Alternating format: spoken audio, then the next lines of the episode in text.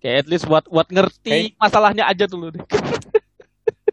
buat ngerti masalahnya aja gitu gak usah solusinya dulu gak usah orang udah ngerjain apa aja dulu masalahnya dulu deh apa itu Masalah dulu. pokoknya ini berat berat berat berat Iya, iya. berat banget kayak oke Orang-orang dapat yang 1 plus 2 plus 3 plus bla bla bla sama min seper 12 itu bukan dari zeta justru, tapi dari kayak kita naif aja gitu.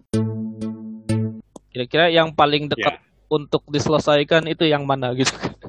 wadah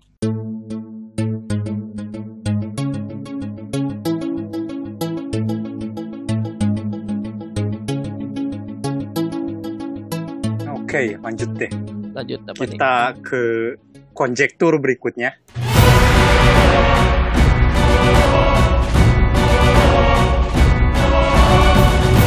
Ini nih kalau kalian cari di wikinya, Millennium Prize Problems. Konjektur ini cuma sebaris. The Hodge conjecture is that for projective algebraic varieties, Hodge cycles are rational linear combinations of algebraic cycles. Udah cuma gitu doang. Ya. Kayak, what? wow, sangat berguna informasinya. ya, emang. Kenapa cuma sesingkat itu? Karena itu. Intinya statementnya itu setiap uh, projective algebraic variety. Hot cycle ini adalah kombinasi linear, tapi koefisiennya rasional semua dari uh, algebraic cycle. Nah, karena ribet, mari kita pelan-pelan. Jadi di algebraic geometry ada uh, kompleks geometri. Jadi kayak kalau kalian Google atau wiki gitu, analitik ge- analitik geometri, analitik geometri itu ini kompleks geometri gitu, bukan yang analit kayak Olim SMA. Ya. Nah, kayak jauh beda banget. Nah, ini tuh ngomongin kalau di algebraic geometri kan ada algebraic variety, yaitu adalah uh, solusi dari koleksi polinomial. Jadi kayak lu punya polinomial, beberapa polinomial, nah solusi barengannya apa? Nah itu variety. Nah sekarang kan si lapangannya algebraic geometri ini apa pun yang penting tutup. Nah ternyata kalau kita ninjau si kompleks aja ini udah susah gitu kalau lapangannya bilangan kompleks. Nah jadi kompleks algebraic variety adalah yaitu varie- variety yang isinya adalah akar barengan dari polinom-polinom kompleks. Oke, bingung wajar karena ini emang tinggi banget. Nah, projective algebraic variety ya berarti variety tapi bendanya tuh di eh, ruang projek projektif kayak minggu kemarin kan udah dibahas ruang projektif. Nah, jadi variety-nya di ruang projektif. Nah, kalau di ruang projektif polinomnya derajatnya harus homogen. Masih bingung? Wajar. ya, ini sangat-sangat tinggi. Ya, kebetulan saya pernah belajar bukunya makanya eh, nggak segitu asingnya. Mah yang konjektur lainnya saya lebih asing, yang walaupun mungkin mungkin ya statementnya lebih gampang. Nah, di kompleks geometri ada teori Hodge. Nah, H O D G E. Teori Hodge ini eh, ngebahas dekompos eh, ngebahas dekomposisi kohomologi. Udah kan pusing, oke? Bisa dicek lah di wikinya. Ngebahas dekomposisi kohomologi dari manif manifold di bidang kompleks. Oke, jadi si geometri Hodge ini memenuhi tiga syarat dan ribet. Nah, sekarang dibikin eh, kohomologi eh, derajat derajatnya yang genap. Nah, konjektur si Hodge-nya ini kalau X-nya ini adalah manifold di projektif, maka kelas Hodge ini yang kohomologi kelas genap khusus ini, kelas Hodge ini adalah kombinasi linear yang koefisiennya semuanya rasional dari eh, kohomologi dari sub subvarietinya dari si X. Ya, subvarietinya berarti buang eh, karena ada variety ya subhimpunannya lah dari variety itu. Oke, pusing? Oh, sudah jelas. Ini yang saya tahu cuma linear Sudah combination doang. jelas. Itu juga itu Ya, juga ini konsepnya deep, beda deep, itu. deep, deep banget. Kayak konsepnya Ya, beda pasti. deep, deep, deep, deep, deep, deep, deep, deep banget. Iya, iya, iya. Kalau kalian bingung sama ini, ya, ini udah paling paling wajar lah ini. Ini sama yang satu lagi deh, kata gue yang paling bikin ngebingungin. Nah, jadi udah ada progres, tapi kayak kan ini pengennya yang genap ya kohomologinya. Progresnya ini baru di yang dua. Ya. Nah, terus ada ekuivalensinya. Jadi kalau misalnya si konjekturnya bener buat derajat P, buat semua P kurang dari N, berarti benar juga buat 2N kurang P. Ya. Nah, oke lah. Segitu aja deh daripada orang-orang makin pusing. Iya. Tapi ini Nah, oh ya, proposernya ini, proposer resminya adalah Pierre Dolin yang kita udah pernah bahas. ya Pierre Delin. Ah, Oh ya. Nah ini kalau misalnya ada yang tertarik ini harus baca apa atau ngambil mata kuliah apa gitu tuh enggak? Oh, mampus ini. Kayak gini nih. Gua aja belajar algebraic geometry itu pertama kali 2017. Beneran ngertinya itu 2019. Itu tuh ya emang gak konstan sih belajarnya. Tapi cukup rutin lah. Kayak itu butuh dua tahun buat ngerti algebraic geometry itu apa. Iya. Itu aja algebraic geometry yang biasa aja, persyaratnya banyak. Harus belajar jelas struktur aljabar, aljabar komutatif. Nah, terus ya aljabar linear, terus ya kalau bisa eh, geometri diferensial gitu karena emang intuisinya dari geometri diferensial satu itu aja udah banyak persyaratnya Ya itu tadi apa? Al- masuk ini mau ke yang kompleksnya ya. Apa? Tadi aljab algebraic geometri kan? ya Algebraic geometri sama kompleks geometri. nah sekarang ini mau masuk ke yang kompleks geometri kan ini bah Ya. khusus bahasnya khusus gitu manifold color ini jelas sudah belajar harus belajar analisis kompleks selain belajar analisis kompleks butuh algebraic topologi karena bahas kohomologi itu belajar di algebraic topologi Iya. dan itu butuh yang advance. Jadi kayak belajar ini tuh lapisannya terlalu banyak. Iya. Dan harus ngambil mata kuliah apa? Di Indonesia sih gak tahu ya. Beneran kayaknya di Indonesia tuh susah banget ini. Iya. Susah banget buat nyari mata kuliah yang bener-bener cukup buat ngerti ini. Tapi kayak kalian breakdown aja deh dari wiki biasanya. Cari kompleks geometri, nge-refer ke apa, nge-refer ke apa, nge-refer ke apa, nge-refer ke apa. Kayak at least buat buat ngerti masalahnya aja dulu deh.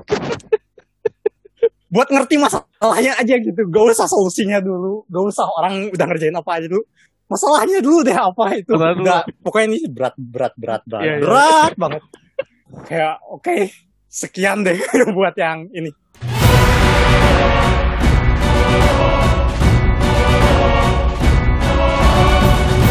Sekian. Oke, oke. Ya.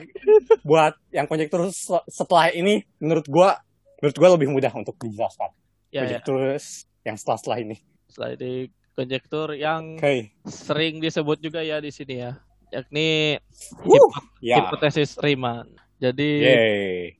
Riemann hipotesis ini berawal dari fungsi zeta Riemann gitu. Jadi awalnya nih didefinisikan Hmm. untuk bilangan kompleks.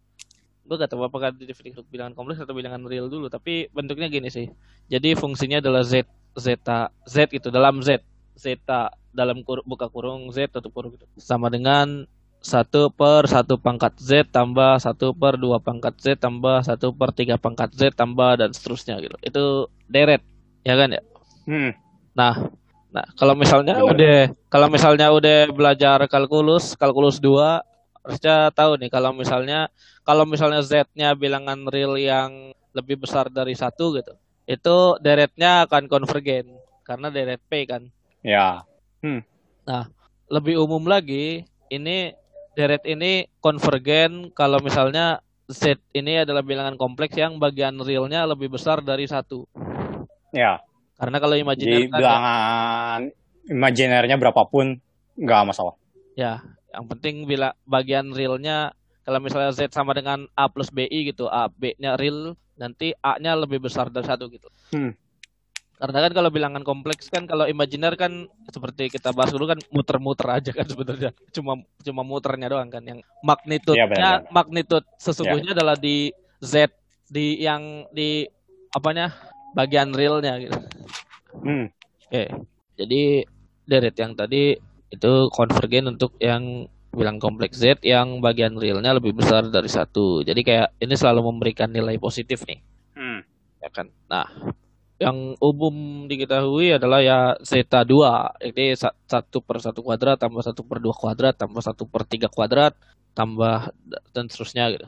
Itu pi kuadrat per Ya. 6 Itu masalah Basel kan, Ya, itu di di episode yang Euler yang beres. Euler ya.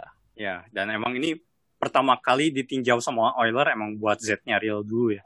Iya, ada yang ada formulanya bukan untuk Z yang apa genap positif gitu, yang pakai konstanta Ya, benar. Bernoulli. Ya. Tinggal pakai ya. Terus ada lagi yang mungkin jarang gitu tapi kayak umum gitu. Zeta 3. Zeta 3 ini aperi konstan. Konstanta aperi. Ya. Ini ini udah diketahui ini irasional ya. Tapi gak, gak tahu gitu berapa nilainya gitu. Apakah dalam maksudnya berapa nilai eksaknya gitu. Kalau aproksimasi kan gampang bisa Ya, benar. pakai komputer. Tapi kayak kalau kita gak tahu nilai eksaknya apakah bisa ditulis dalam pi, e atau apa gitu. Atau ya udah konstan ini aja gitu. Hmm. Zeta 3 Ya. Tapi udah fix ini irasional. irasional. Nah, fungsi ini dapat diperluas sehingga tadi kan terdefinisi cuma buat bilangan kompleks yang bagian realnya lebih besar dari satu nih. Nah, nanti ini bisa diperluas Ya, karena sehingga kalau satu aja udah divergen kan. ya kalau satu aja udah kacau itu harmonik kan. Nah, jadi fungsi ini dapat diperluas sehingga dia terdefinisi di seluruh bilangan kompleks gitu. Ya, Nah, gimana nih perluasannya nih? Oh, kalau kecuali di satu misalnya- ya. kecuali di satu tapi nanti kayak kita bahas dulu yang perluasan perluasan tuh sebenarnya apa sih perluasan ya kita pengen mendefinisikan fungsi yang kalau misalnya tadi di z yang bagian realnya lebih besar dari satu dia sama kayak yang tadi tapi di apa di tempat lain mungkin bisa berbeda gitu. Di yang lebih kecil dari satu dia mungkin bisa berbeda. Nah sebenarnya kalau perluasan kalau misalnya Ya. kita mau bikin perluasan sebenarnya bebas-bebas aja gitu. Kayak bisa aja zeta z sama dengan nol. Bebas aja ya. ya bisa aja zeta z sama dengan nol gitu di yang lebih kecil dari satu gitu misal terus Iya benar. yang lebih besar dari satu ngikutin aja gitu itu kan bisa bikin kayak gitu tapi Bisa. ya bisa tapi bisa bikin perluasan kayak gitu tapi kita inginnya adalah kita pengen mempertimbangkan perluasan yang disebut dengan perluasan analitik gitu jadi yang membuat fungsi apa zeta z ini analitik di seluruh bilangan kompleks gitu. jadi analitik ya Hmm. apa ya kalau gue lihat dari ini apa Bisa diturunin bisa diturunin. kali lah. ya ya, kayak gitu kalau gue lihat dari Three Blue One Brown kayak mempertahankan sudut gitu itu benar gak sih Ya itu konformal kan. ya kayak mempertahankan sudut Bisa. Bisa bisa. ya Bisa bisa. kayak sudut kayak misalkan ada permukaan yang dibentuk sama fungsi ini gitu kayak eh, mempertahankan sudut gitu Hmm. kayak gitu Benar-benar visualisasinya bisa gitu. Ya kan kan kan ini kan permukaan kan kayak bisa ditulis di permukaan nilainya bisa Hmm. muncul gitu kan kan kayak ya, dia mempertahankan sudut Hmm. Nah, tapi ya kita pengen bikin fungsi yang dia analitik gitu di seluruh bilangan kompleks dan ta- dari tadi dari sebebas-bebasnya pilihan yang kita punya gitu. Yang bikin dia analitik itu cuma Hmm. satu pilihan. Hmm. yang bikin dia analitik di seluruh bilangan kompleks cuma ada satu pilihan itu. Dan bahkan sebenarnya dia nggak di semua bilangan kompleks, tapi ya tadi yang seperti itu sebut di semua bilangan kompleks kecuali di Z sama dengan satu gitu ada satu titik yang Satu. Ya, dikorbankan. benar-benar. kayak itu disebut pol atau kutub gitu Hmm. kayak kita oke lah kita z sama dengan satu oke lah kita baikan lah tapi kita bisa bikin fungsi ini terdefinisi di seluruh bilangan kompleks yang tadi bukan satu itu Hmm.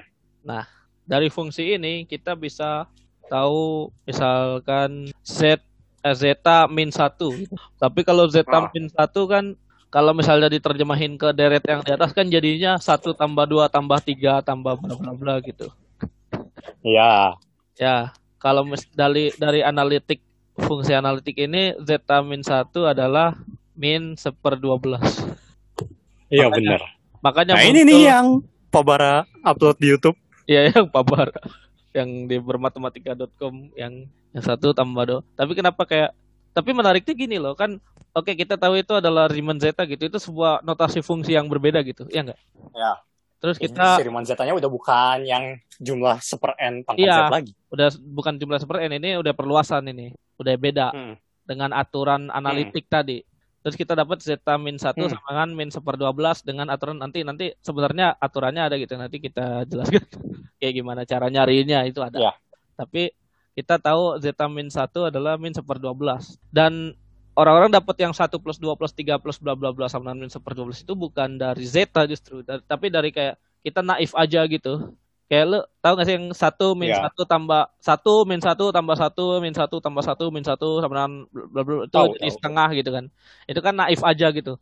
Tapi kok dapat setengah gitu. Ya, dimisalin itu S. iya Ya kayak kayak ya kayak gitu gitu. Terus di apa-apain.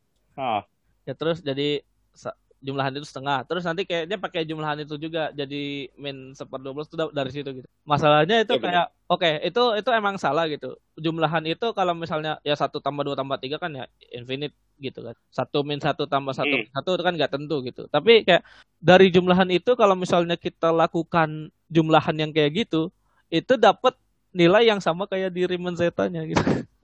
Kita- kita Ya lakukan benar. penjumlahan serampangan gitu kok kita malah dapat Riemann zeta gitu kok. Itu yang aneh tuh itu. Ya, mungkin emang karena asalnya dari dari Riemann Zeta yang sigma super n itu ya.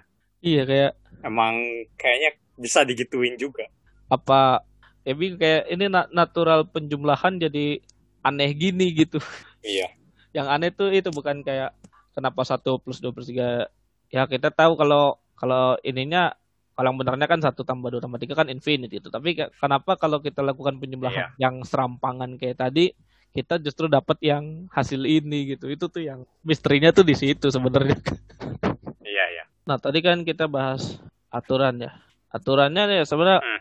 fungsi zeta ini ada aturannya nih. Hmm. Ada aturan yang memenuhi setelah apa tadi analitik continuation itu pe- pe- perluasan analitik ini kita bisa kita dapat persamaan ini persamaan fungsional yang gini bisa. Jadi bentuknya adalah eh, zeta z sama dengan Hmm. dua dua pangkat z dikali pi pangkat z min satu dikali sin buka kurung pi z per 2 tutup kurung dikali gamma buka kurung satu dikurang z tutup kurung dikali zeta 1 min z. Dan kalau gamma tuh ya fungsi fungsi gamma ada definisinya ada kayak fungsi gamma Hmm. tuh kayak perluasan faktorial.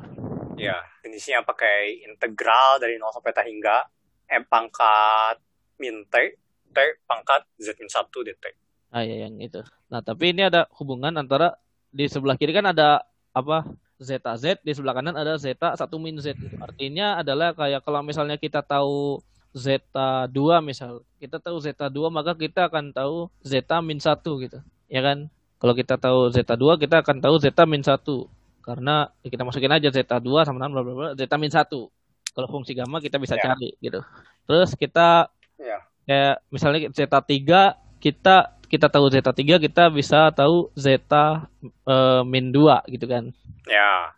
Berarti kayak kalau misalnya kita tahu yang di sebelah kanan satu, kita bisa tahu yang di sebelah kiri nol, ya kan? Yang di kalau di bidang kompleks sih yang di sebelah kanan realnya satu, yang realnya lebih besar dari satu, kita tahu semua nih kan. Berarti kita bisa tahu real yang sebelah kirinya Hmm. nol, ya kan? Hmm. Hmm.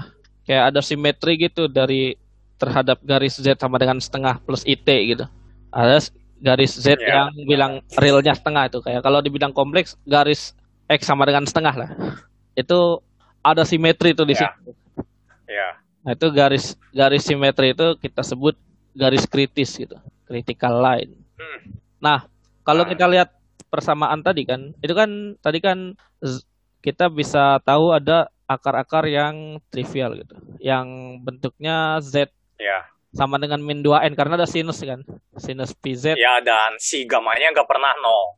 Ya, kalau negatif, kalau eh, ya, negatif, gamanya ya kalau negatif gamanya nggak pernah nol. ya si gamanya nggak nggak nol dan nggak punya pol. Ya, kalau z-nya bilangan genap negatif ya, genap negatif itu Hmm. sin-nya nol, gamanya tapi nggak nol gitu. Ya, nggak Kalau- nol dan nggak punya pol. Ya, kalau misalnya Z-nya genap positif, sin-nya nol tapi gamanya pol kan. Gamanya bentuknya pol gitu. Jadi kayak Pol. Makanya, pol berderajat satu makanya saling hilang. saling menghabiskan. Makanya kalau Hmm. Z positif apa bilangan genap positif itu pasti ada ada akarnya. Ya, Eh ada akarnya. Ada apa sih? Ada ada ada bukan nilainya nggak nol. ada nilainya, nilainya gak nol ya. Tapi di sebelah kirinya nol. Ya. Itu nah, akar-akarnya yang bilangan genap negatif, Z itu bilangan genap negatif ya. Itu disebut akar-akar trivial gitu. Jadi min 2, min 4, min 6 terusnya itu akar-akar trivial. Nah, pertanyaan satu juta dolarnya apa nih? Pertanyaan satu juta dolar untuk anda anda sekalian. Akar selain yang bilangan genap negatif ada nggak? Ah ya. Terus kalau ada di mana aja? Nah. Nah, jadi eh buat yang bilangan realnya lebih dari satu, jelas si fungsi Riemann zeta-nya nggak nol. Dan buat di garis yang real, realnya sama dengan satu atau X-nya sama dengan satu, ternyata gak ada juga di situ. Nah, karena persamaan yang tadi berarti di garis realnya sama dengan nol gak ada juga. Nah, sekarang antara 0 dan 1 nih gimana nih, Ki? Iya, berarti berarti kan tadi yang Z yang bilangan realnya lebih besar atau sama dengan satu nggak ada akarnya Z yang bilangan realnya lebih kecil atau sama dengan nol nggak ada akarnya juga berarti ya mungkin kan di antara nol dan satu itu kan yang bilangan realnya hmm. antara nol dan satu gitu nah hmm. jadi ada dugaan nih dugaannya adalah akar-akar non trivialnya nih ada harus dalam bentuk Z sama dengan setengah plus IT jadi ada di, garis kritis semua akar-akarnya dugaannya ya jadi kalau ada akar-akarnya tuh dugaannya ngumpul semua di setengah karena ya mungkin karena tadi ada sifat simetri di apa hmm. x sama dengan setengah. Dan Riemann sendiri emang dapat uh, kok gak salah 10 akar pertama emang di itu yang bilangan realnya dengan setengah. Iya, di kritik. Makanya berani ngekonjektur beneran cuma di setengah doang. Iya. Nah, oh ya ngomong tadi kan kita tahu ya kita tahu nilai fungsi di antar untuk yang bilangan realnya lebih besar dari satu atau lebih kecil dari nol kan? Ya. Nah kalau misalnya di tengah-tengahnya gimana nih? Ada ya. yang ini sisanya kita tahu ada yang namanya diri directed eta function. Jadi kayak nilai fungsi untuk yang bilangan realnya antara 0 sampai 1 ini nilai fungsinya bisa ditulis sebagai deret yang konvergen gitu. Tapi bentuknya hmm. masih masih deret. Masih deret. Makanya itu masih konjektur sampai sekarang karena bentuknya masih deret. Iya. Nah, terus perkembangannya adalah nih uh, Hardy membuktikan bahwa garis kritisnya tuh punya tah hingga banyaknya akar gitu. Iya benar. Tapi apakah walaupun ada tah hingga banyaknya akar, apakah ada di situ semua? Iya. Nah itu kan pertanyaannya kan. Kan hipotesisnya di situ semua. Iya ya. Terus ada lagi tentang ini hipotesis depan ini. Oh ya. Jadi kan hipotesis Riemann ini kenapa orang bilang kok penting banget sih, kok penting banget? Karena yang paling awalnya si fungsi zeta Riemann ini buat buktiin prime number theorem di wiki aja lah, atau di Google aja. Prime number theorem isinya apa? Kalau hipotesis Riemann-nya benar, kita dapat uh, error terbaik. Kan ada suku utama, ada suku error. Kalau hipotesis Riemann benar, dapat error terbaik. Kalau hipotesis Riemann salah, kita harus cari nih si bagian real dari akar yang nggak di uh, garis kritisnya itu di mana. Nah itulah nanti errornya berhubungan sama itu. Nah terus uh, sampai sekarang ada minimal 500 paper yang dimulai dengan asum Riemann hipotesis. Jadi memang sangat-sangat-sangat penting dan ekuivalensinya ada banyak banget ya buat hipotesis Riemann nih.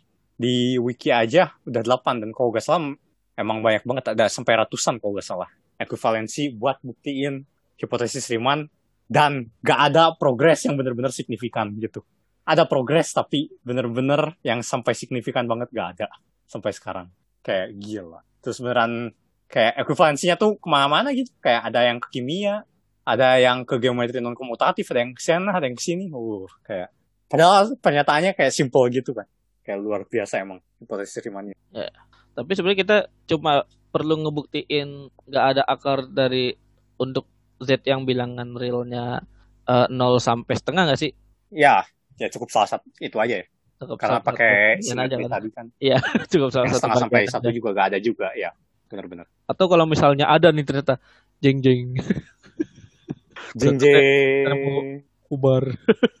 Masalah, masalahnya ada ada ada tuh apakah itu satu-satunya yang ada gitu karena mesti dapat lagi nih kalau jangan-jangan di bagian real yang lain ada juga gitu iya kayak wah mantap emang ini hipotesis iya oke okay. Terus ya ini statement resminya dari siapa Set... buat dimasukin jadi satu juta dolar Enrico Bombieri oh ya, ya terkenal sih ini yang gue pernah baca bukunya juga tapi bukan di, di bagian analitik nomor teori ya yeah. ya Oke, lanjut.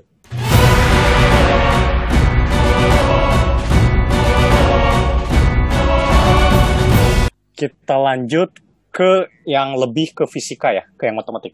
Mathematical physics. Ya, masalahnya adalah eksistensi yang Mills dan hmm, gap masa. Ya.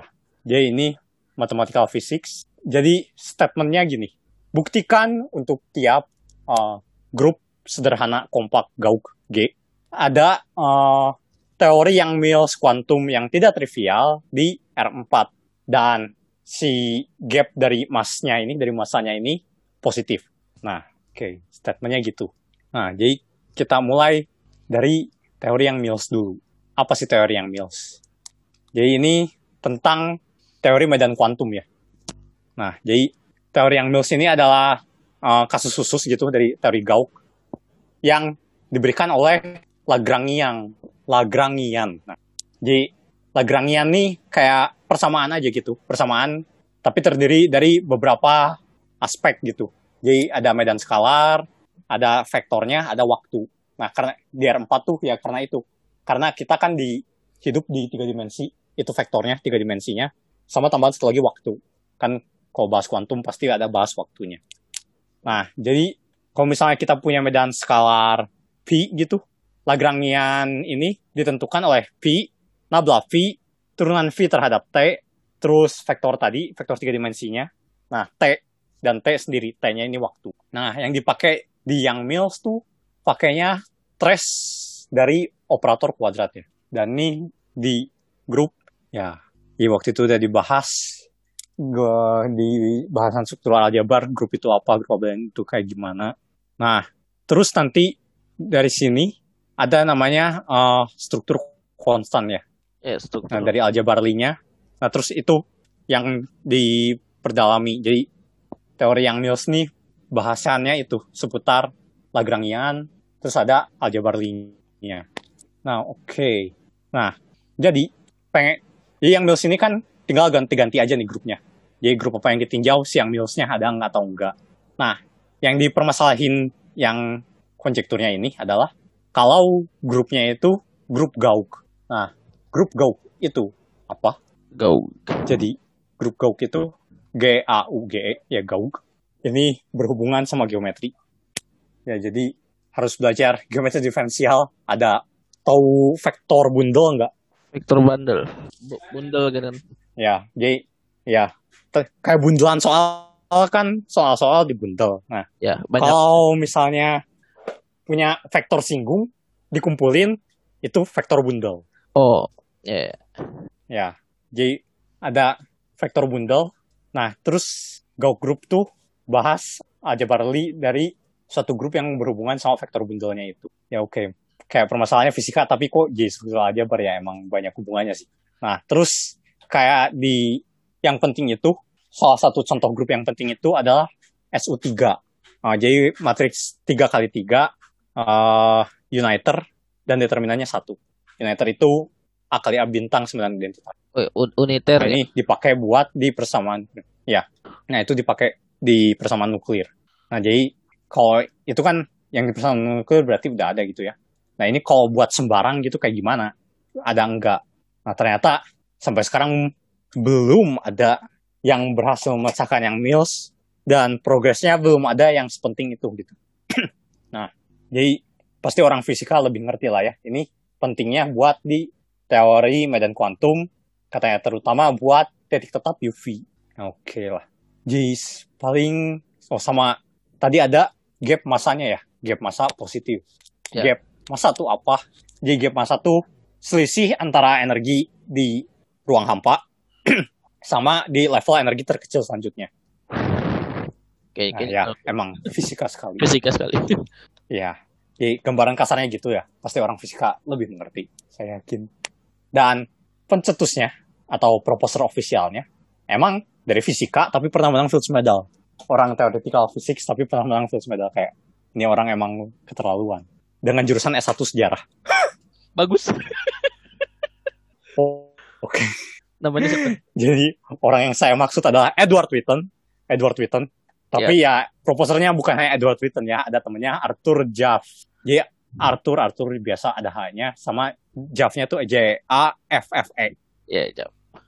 ya, emang Edward Edward Witten nih, tanyalah teman-teman yang fisika tuh orang gila emang ini jago banget. Tapi satunya tuh sejarah. Itu benar, kayak bayangin S1 sejarah, terus baru uh, mau maunya tadinya applied mathematics eh ujung-ujungnya jadi ke te- uh, fisika yang teoritis kayak what dari sejarah ke matematika ke fisika orang ini Tapi kayak yang fisika kita tuh kayak banyak aljabarnya juga nggak sih? Kayak gue kayak ada kayak matkul fisika gitu. Banyak ada banyak aljabarnya juga gitu. Iya bener. Ternyata gitu. Kayak gue juga sama yang yang teori-teori ya. gitu. Ha-ha. cuma kurang tahu ya karena gue gak pernah ngambil juga sedalam apa gitu. Ya kayak kan ada yang anak fisika suka ngambil matkul matem gitu tuh ada. Ya kadang ada kayak pengen tahu matemnya kayak gimana. Ya memperdalam ininya teorinya. Dan emang kadang Hmm. berkaitan juga kayak teori ini yang Hmm. ya. Oke. Oke. Selan- jadi yang Mills ada tambahan? Udah kayaknya. Oke.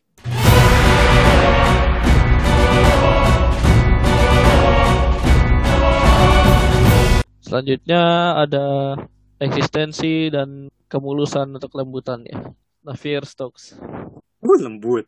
Lembut sekali. Nah Mantap. ya ini juga ma- mathematical physics Ini juga fisika, tapi lebih ke fluid dynamics. Dinamika fluida.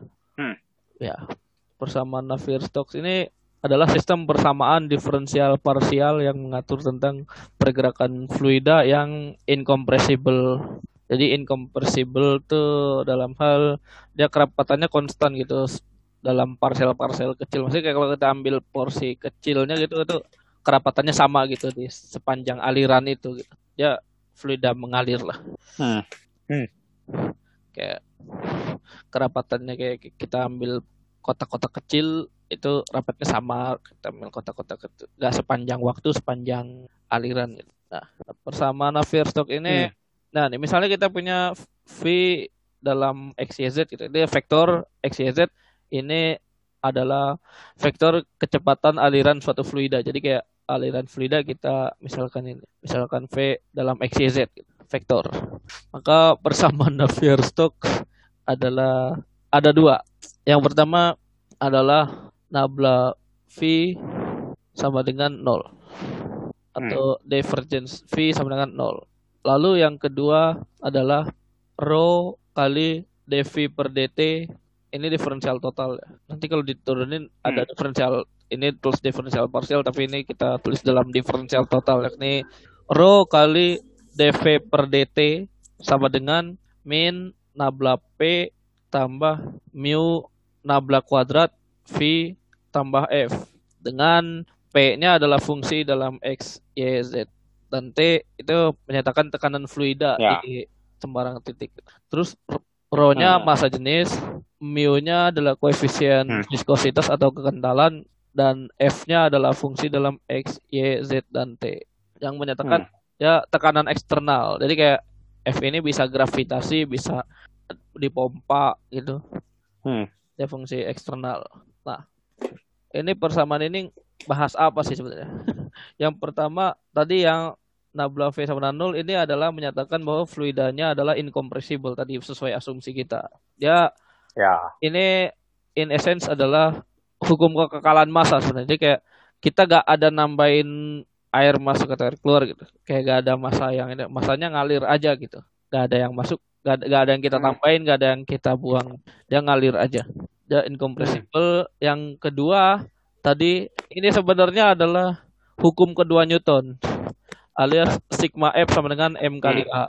Nah, tapi gimana itu bisa jadi persamaan yang ribet gitu?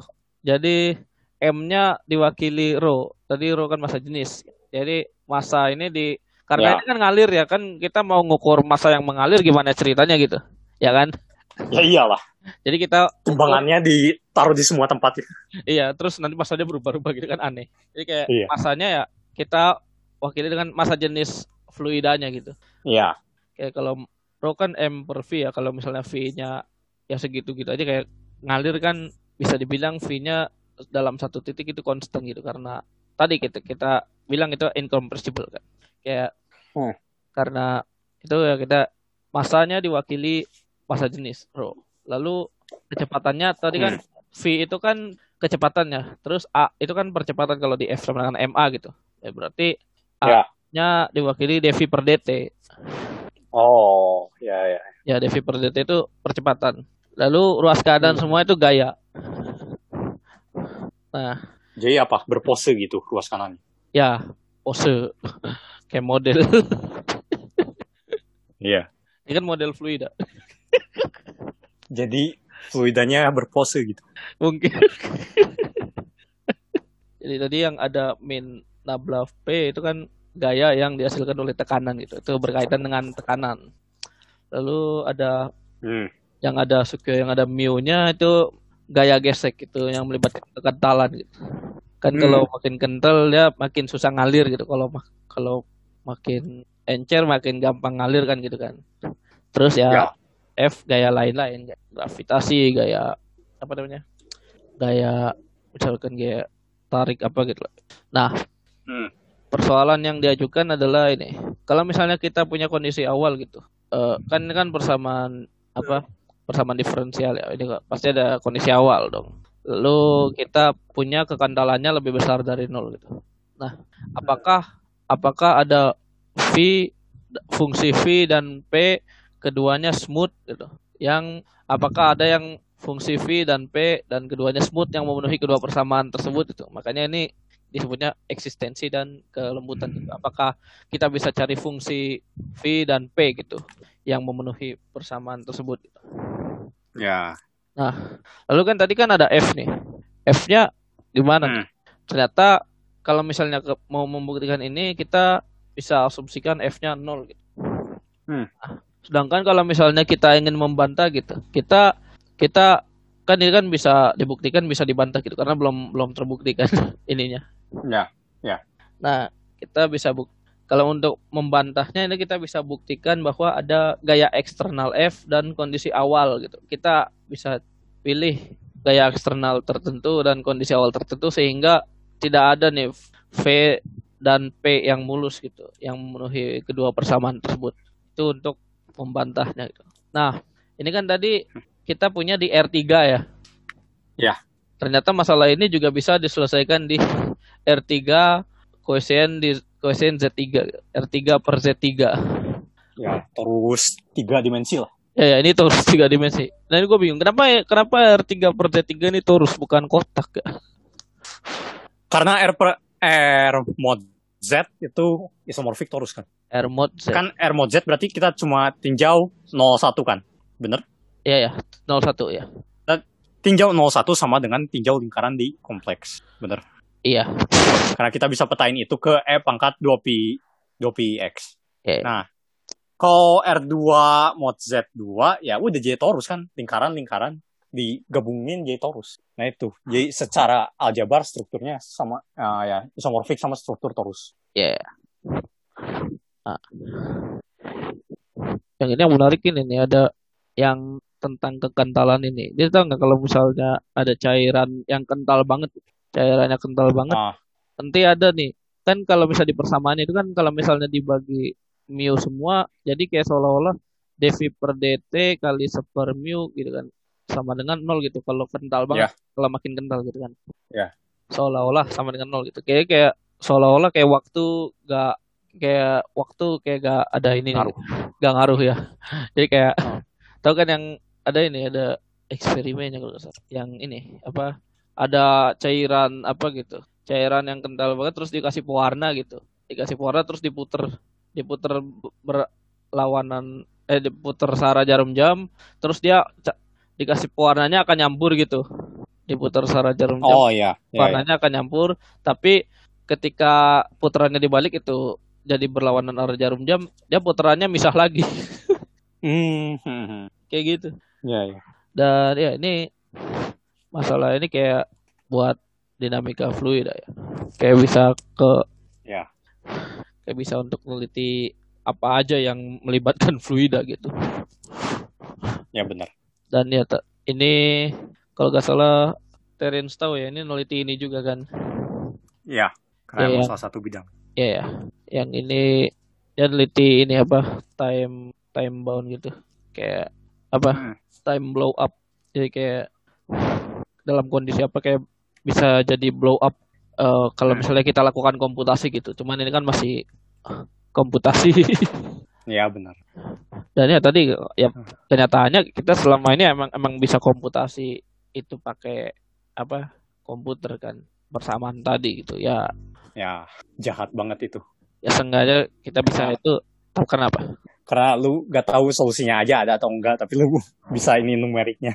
Kayak Iya. jahat banget.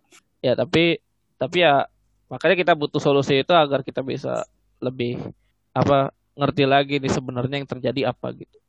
Hmm. Oke, ada tambahan dari gua. Jadi kebetulan, secara kebetulan entah kenapa, tiba-tiba pengen belajar PDP. Ya, persamaan diferensial parsial. Ya. Nah, tapi kan PDP yang di ITB, yang S1 kan numerik ya. S2 gimana?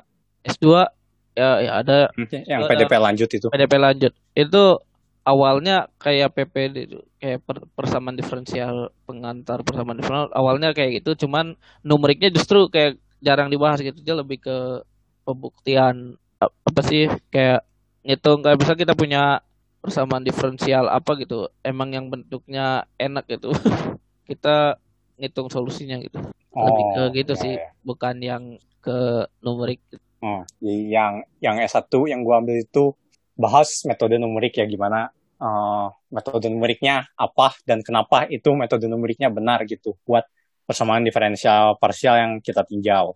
Nah, terus tadi yang eh, yang S2 dibahas gitu sama Kiki. Nah, ternyata di ETH Zurich, jadi gua belajar eh, PDP tapi yang pakai matkul ETH Zurich. Terima kasih ETH Zurich sudah ngasih free. Bahasanya bukan gitu. Bahasanya tuh eh, punya persamaan diferensial parsial, solusinya aja ada atau enggak gitu kan. Soalnya beda sama PPD gitu. PPD persamaan diferensial biasa lebih gampang ngelihat solusinya ada atau enggak. Nah, kalau persamaan diferensial parsial nih, kayak sebagian besar kita nggak tahu solusinya tuh ada atau enggak. Solusi smooth ya. Nah, jadi ngebuktiin solusinya ada aja, kayak ini bisa jadi konjektur yang mahal gitu, kayak Navier-Stokes ini. Nah, ternyata ada yang namanya eh, fungsi distribusi. Jadi fungsinya bukan beneran fungsi, tapi perilakunya mirip fungsi. Kayak lu tahu eh, delta Dirac gak? tahu yang loncat gitu kan Eh, yang tahingga di satu titik lah itu kan udah bukan udah bukan fungsi gitu, udah ada tahingganya. ya ya Tapi eh, itu adalah distribusi. Dan karena distribusi itu kayak eh, delta Dirac tadi kan nggak kontinu malah itu bukan selain bukan fungsi tidak kontinu, tapi distribusi ini bisa jadi punya turunan. Kayak, hah kok bisa sih? Fungsinya aja nggak kontinu, kok bisa punya turunan gitu ya. Turunannya adalah definisinya. Jadi fungsi biasa adalah distribusi, tapi tidak semua distribusi adalah fungsi biasa. Jadi turunannya tuh make sense gitu. Nah, jadi yang dipelajari, kalau misalnya kita belum nemu solusi smoothnya, ada nggak solusi dalam distribusinya? Jadi, lu punya PDP tapi solusinya nggak punya turunan gitu. Kayak, what? Yang dipelajari tuh gitu. ya ya. tapi itu Oh. kayak perumuman gitu ya kayak Heeh. ya Nah, makanya yang selalu mahalnya adalah pertanyaan solusi smooth ada atau enggak. Karena solusi distribusi itu gak susah dicari. Dan ternyata, oh PDP yang di luar sana tuh belajarnya gitu. Kayak menarik. Tapi baru baca bukunya sekali sih, ya 80% tidak mengerti isinya apa. Tapi seenggaknya ngerti gambarannya lah.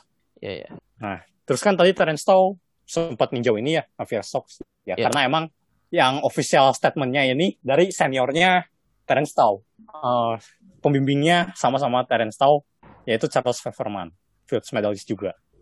Ya. Kayak gila ini. Berapa masalah Fields Medalist semua nih yang nge-propose. Kayaknya yang enggak tuh cuma Fever- versus NP aja ya, karena emang Fields Med nggak ada Fields Medalist bidang komputasi gitu kan. Oke, ada lagi? ada lagi udah kayaknya Udah, oke. Tadi sudah 6, sekarang Dragon Ball terakhir. Ya. Nah, bola naga terakhir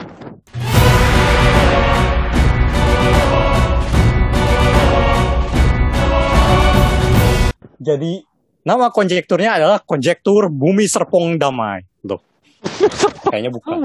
BSD Soalnya soalnya orang-orang tuh jingkatnya BSD konjektur, BSD konjektur. Pas gue baca juga BSD konjektur, ini bumi, bumi serpong damai konjektur gitu.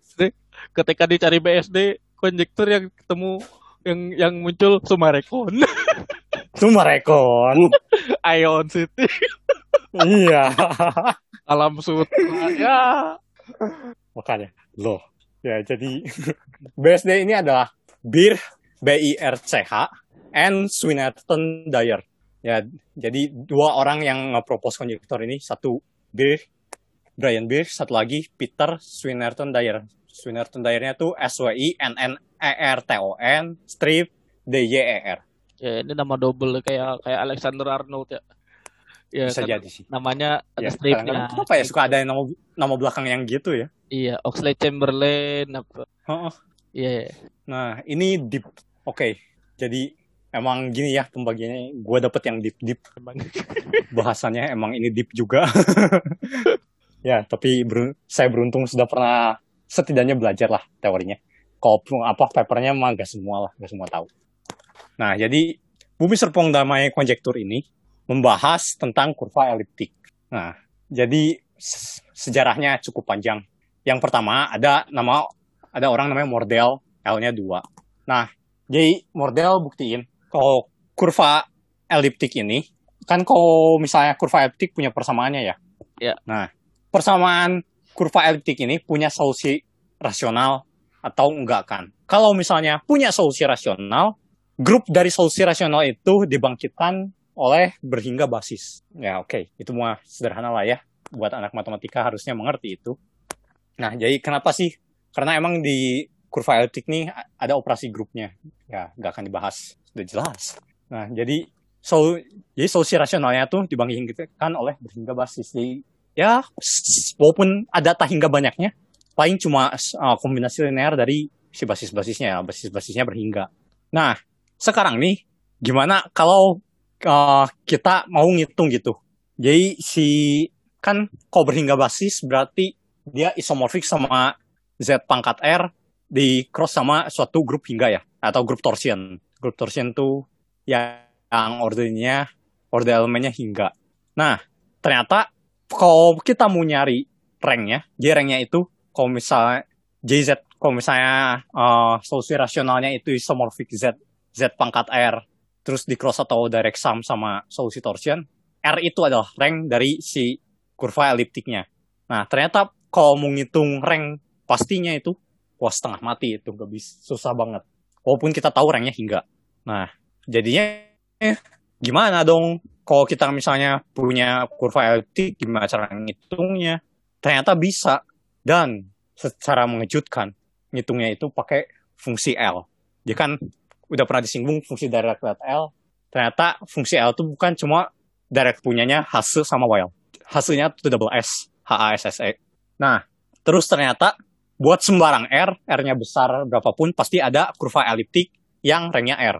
Nah, dan distribusi ranknya ternyata yang ranknya 0 itu 50%, yang ranknya 1 itu 50%.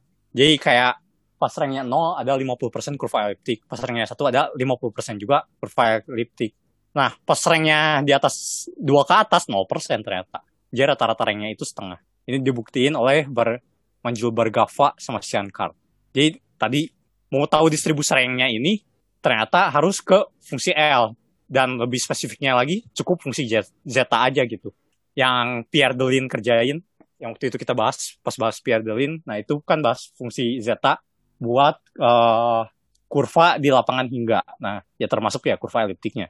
Nah, BSD ini mengkonjekturkan kalau punya kurva eliptik tapi sekarang nggak harus solusinya rasional. Pokoknya di lapangan apa pun yang kalau nggak perluasan rasional, berhingga, real atau kompleks gitu lah. Nah, akar dari si fungsi L-nya ini pas S-nya sama satu. Tadi kan kalau fungsi zeta Riemann tuh pakai Z ya tadi kita bahas. Iya, iya. Kalau ini fungsi L-nya itu kita misal pakai S gitu. Ya, gantilah ZS. Nah, pas kalau, kalau fungsi zeta Riemann tuh pas satu tuh punya pol, kalau fungsi L gak selalu pol di satu. Bisa jadi enggak. Nah, jadi di fungsi L ini pas S-nya sama dengan satu, kalau kurva eliptik bukan pol. Nah, tapi ya ada akarnya. Nah, si akarnya, akarnya ternyata pas di S sama dengan satu, order akarnya ini sama-sama dari rank dari kurva eliptiknya. Tapi di bukan di rasional, di lapangan yang tadi yang kita tinjau. Nah itu konjektur BSD. Dan sampai tahun ini eh, semua hasilnya kasus susu semua gitu. Belum ada yang mendekati buat semua kasus eh, kurva eliptik. Yang terbaru yaitu Bergava sama Shankar. Yaitu buktiin eh, rank rata-ratanya setengah dan rank rata-rata di grup model well-nya itu terbatas di atas oleh 7 per 6. Ya, berat ini emang. Kayak yang conjecture hots, kalau yang mau belajar ini berlapis-lapis, sangat berlapis-lapis, lapis-lapis, lapis-lapis. Jadi, bongkar aja deh Wikipedia-nya, referensinya dari mana, yang buku-bukunya. Karena harus belajar algebraic number teori dulu. Itu juga harus yang udah advance. Harus belajar uh, kurva eliptiknya, terus aritmatika di kurva eliptiknya. Baru ngerti fungsi L-nya. Ya, pokoknya ini sangat-sangat berlapis-lapis-lapis-lapis. Eh, kurva eliptik terus punya basis di mana? ada menghubungkan ya kan, ya kan ya kan kurva eliptik uh, ada yang ada solusi rasional. Nah, si solusi rasionalnya itu punya basis lah. Iya. Yeah. Tapi gak, tapi gak punya gitaris. Gak punya drummer, ya masih. ya. Nah, uh, yang ngasih statement secara ofisialnya ini adalah Andrew Wiles. Andrew Wiles. Emang bidangnya Andrew Wiles. Bapak penghancur Fermat. Bapak yang sangat kesal sepertinya sama Fermat. Kenapa namanya teorema Fermat bukan teorema Wiles? ya, oke. Okay. Oke, okay. itu udah ya. Ternyata bumi serpong damai susah ya. Oh. Emang. yang kenapa karena kayak elliptical curve ini punya ring gitu. Iya kan, kayak dari mana itu? yang punya rank kan bisa matriks doang, di kurva elliptik punya rank. Tapi ya terus ya, dari kurva elliptik ada fungsi L-nya. Iya. Apa? Tapi kayak dari kayak kalau dia aljabar yang udah kayak gitu-gitu kayak mungkin kayak apa semua objek kayak ada ranknya gitu. Oh, modul kan enggak ya? Enggak semua punya basis, enggak punya basis kan? Enggak semua ya. punya basis. Ya. Enggak. Ya, ya, itu enggak ada ranknya. Ya, ya. Oke, ini udah ya untuk BSD. ya, cukup lah. Cukup. Lagian rumah gua dekatan ke Bandung daripada ke BSD. Saya juga jarang ke BSD. Jauh. Jauh kan tuh kan, jauh. Pasti ngangkut dua kali. Oke. Ini habis kita tentang ini deh. Uh, Millennium Prize problemnya secara umum nih. Kira-kira yang paling dekat yeah. untuk diselesaikan itu yang mana gitu? Waduh, tidak ada yang terlihat sih. Kayaknya yang belum tentu juga ya versus NP. Yang orang-orang mudah pahami aja belum tentu semudah itu menyelesaikannya bisa jadi malah yang paling sulit ya. Iya. Tapi kalau tadi dia lihat overall ya, yeah. progres yang paling lumayan tuh mungkin yang di matematika fisik ya kayaknya. Yang progresnya paling lumayan. Kayak apa? Yang mil gitu. Yang mills. Yang mills. Kayaknya ya mungkin Navier Stokes juga ya. Iya. Terus, Terus buat yang lainnya beneran kasus khususnya tuh kecil banget gitu. Kayak yang konjektur hot saja baru cuma pas dua. Yang empat aja belum. Terus hipotesis Riemann aduh kayaknya itu gue sih berharap tidak akan pernah terselesaikan. Kenapa gitu? Kayak itu keren banget. Sayang sayang kalau untuk diselesaikan. Kayak ntar risetnya ah kita riset apa lagi? Kalau ini gak beres-beres tuh risetnya masih menarik. Mungkin kalau risetnya bakal tambah menarik kalau misalnya ternyata ada akarnya gitu Riemann hipotesis yang di bukan di setengah ya tapi sayangnya untuk saat ini ya. Ya para matematikawan dan saya juga masih percaya Riemann hipotesis ini benar gitu. So, sampai berapa triliun ya terakhir itu. Masih di setengah aja. Kayak sampai bilangan imajinernya di berapa triliun apa gimana? Iya benar. Sampai di bilangan imajinernya berapa triliun tuh cuma beneran di setengah doang bagian yeah. realnya. Iya yeah, yeah. dan emang berharap benar tapi itu berharap tidak dapat dibuktikan. Yeah, terus soal ini apa bisa nggak ini Millennium Prize problem nih nambah gitu? Misal sama apa kayak sama Colats gitu atau sama yang lain? Wah Colats kayaknya iseng-iseng doang sih. Kurang terlalu penting. Tapi maksudnya bisa nambah ya, gak? Uh, enggak sih. Paling dialihin ke price yang lain lah dapat price yang lain. Kayak menurut gua kayak konjektur ABC itu penting banget. Tapi iya, nggak nggak akan nggak masuk ke sini. Tapi ya dialihin ke tempat lain ya yang itu sempat ada yang ngebuktiin ya ternyata belum. Belum. Tapi orangnya masih ke ke ah kalian aja gak ngerti bukti saya. Kalian gak soalnya tuh ya tuh pakai dunia baru sih. Iya dan dia gak mau gak mau ngejelasin gitu loh. Gak mau ngasih seminar. Yeah. kayak ini gimana? Ayo dong kasih seminar. Ah kalian mah kok gitu aja gak ngerti ya. Kayak tapi Fermat aja ngebuktiinnya mesti pakai dunia lain dulu. Pakai Galoa dulu pakai apa iya kayak ribet banget kan. Ya ini juga kayak mungkin mesti kita ngembangin sains yang baru dulu gitu. Bisa selesai. Bisa jadi. Tapi ya itu ini adalah kayak jadi cara cara tersusah untuk mendapatkan satu juta gitu. Satu juta dolar. Ya 100 dolar. Kan lebih gampang jual pemain ya. Itu sih langsung dapet ya. Harganya lebih murah daripada ini daripada Fred lebih murah daripada Lingard masa dia dia Milenium masa dia, dia untuk memecahkan masalah ini masa lebih murah daripada Jesse Lingard sih Aduh.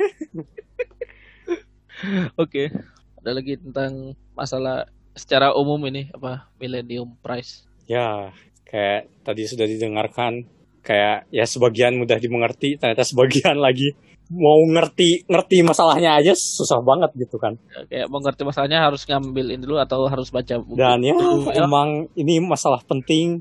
Ya itu aja kayak berlapis-lapis banget kan. Ada yang tidak cukup dengan mata kuliah ya yang di ITB lah. Kayak butuh mata kuliah yang benar-benar lanjut banget. Kayak tapi ya seenggaknya ini masih Ya, tapi emang penting gitu kan. penting gitu. Kayak masih ada ya se- seenggaknya masih ada harapan buat ini bisa diselesaikan kecuali lu, lu yang tadi Ya berharap tidak. ya gak apa-apa gak apa-apa oke ini sudah cukup ya sepertinya tentang Millennium Paras Problem ini Iya. Oke, jika kalian suka konten kami, ya kalian bisa follow kami di Spotify atau di Twitter @bebaslinear. Ya, sampai jumpa di episode berikutnya.